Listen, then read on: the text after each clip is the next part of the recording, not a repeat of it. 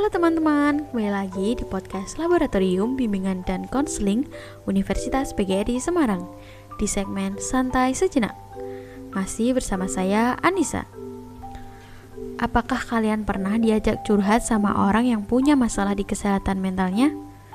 Misalnya dia datang ke kalian dan curhat kalau dia lagi sedih karena suatu penolakan. Dan kalian bingung bagaimana harus meresponnya. Iya kan? Kalian gak sendirian. Bahkan seorang pendengar yang baik juga pasti akan mengalami fase bingung dalam merespon pernyataan ataupun curhatan.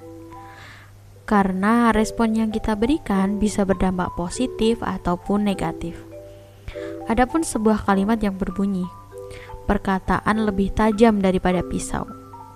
Nah, coba deh kalian bisa ingat-ingat perkataan apa yang biasa kalian bicarakan ke teman kalian, pacar, adik, kakak, atau orang yang baru curhat tentang keluh kesah yang mereka alami.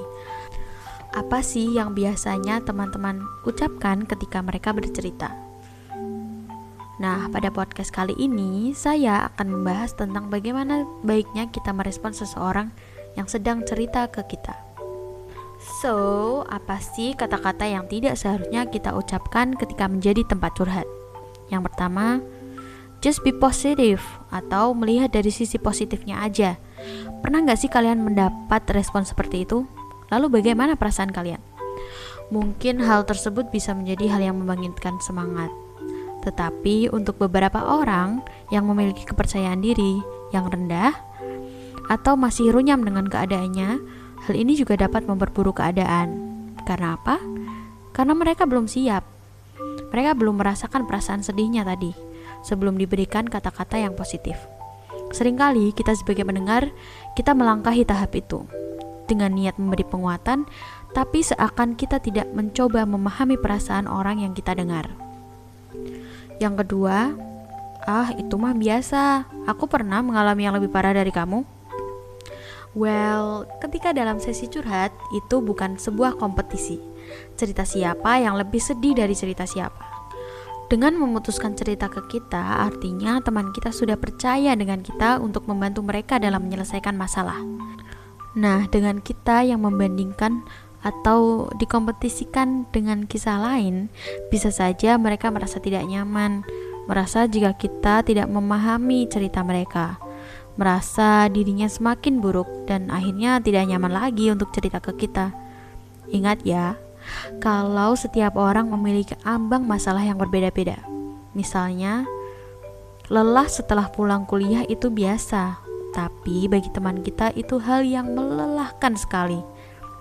Ingat, dia yang menjalani, bukan kita. Yang ketiga, hmm, ini kayaknya kamu kurang deh ibadahnya, kurang dekat sama Tuhan. Berada di lingkungan orang-orang yang kental dengan nilai agama, kata tersebut sering kali terlontar. Well, apa pun agama kita, seberapapun tingkat kereligiusan kita, merasa sedih adalah hal yang wajar. Terlepas dari seberapa beriman seseorang, pasti ada waktu di mana kita merasa tidak sabar lagi dengan apa yang kita alami dan saat itu kita memerlukan seseorang untuk mendengarkan curhat kita. Yang keempat, tahu batasan diri kamu. Usahakan ketika kamu dipilih menjadi tempat curhat, pastikan diri kamu sedang baik-baik saja. Jangan paksakan diri kamu.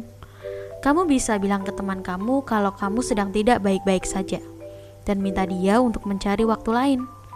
Atau ketika dia butuh sekali, pada saat itu juga berikan rekomendasi ke dia untuk mencari teman yang lain. Lah, kok gitu sih? Bukan bermaksud untuk menolak, tapi agar teman kita nyaman. Bisa saja ketika kita memaksakan diri, ujung-ujungnya tidak fokus karena lagi ada masalah juga.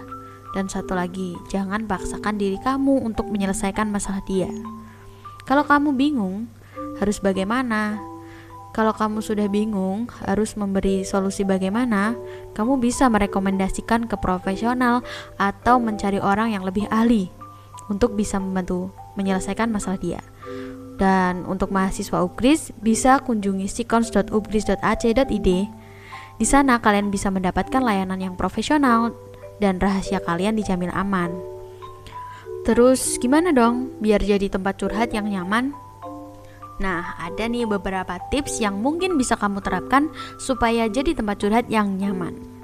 Yang pertama, usahakan banyak mendengar. Coba tahan dulu untuk berkomentar sampai orang yang curhat selesai bercerita.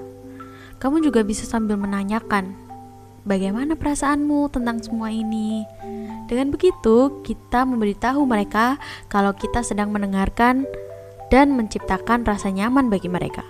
Terus selama sesi curhat, usahakan untuk merefleksikan kalimat atau perasaan dari orang yang lagi curhat. Misalnya ketika teman sedang bercerita, orang tua aku semalam berantem parah banget. Aku gak kuat sampai nangis semalaman.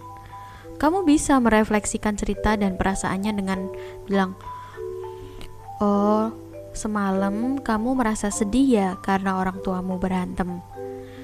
Dengan melakukan refleksi ini, lawan bicara cenderung merasa bahwa kita memperhatikan mereka. Hal ini juga dapat mengonfirmasi cerita mereka, apakah informasi yang kita terima sama dengan apa yang mereka ceritakan. Atau kamu juga bisa menanyakan ke dia, apa yang kamu butuhkan atau apa yang bisa aku bantu.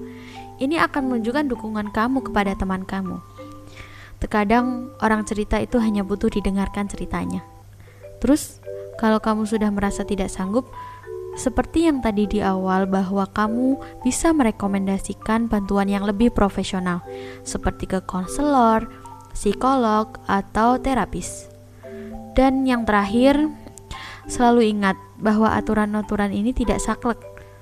Konsep intinya adalah kamu harus mendengarkan orang yang sedang curhat dan bagaimana caranya agar respon yang kamu berikan itu tidak berdampak negatif ke orang tersebut.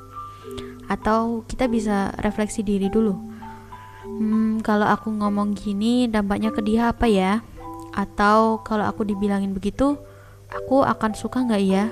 Nah, untuk itu caranya penyampaian setiap orang berbeda dan pemikirannya juga berbeda-beda.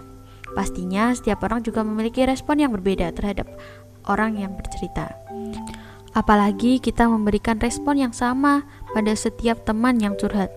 Pastikan beda. Hal tadi hanyalah acuan secara umum. Kembali lagi pada kamu dan situasi yang dihadapi saat teman bercerita nanti. Akan direspon seperti apa orang yang curhat ke kamu. Mungkin itu dulu yang dapat saya sampaikan.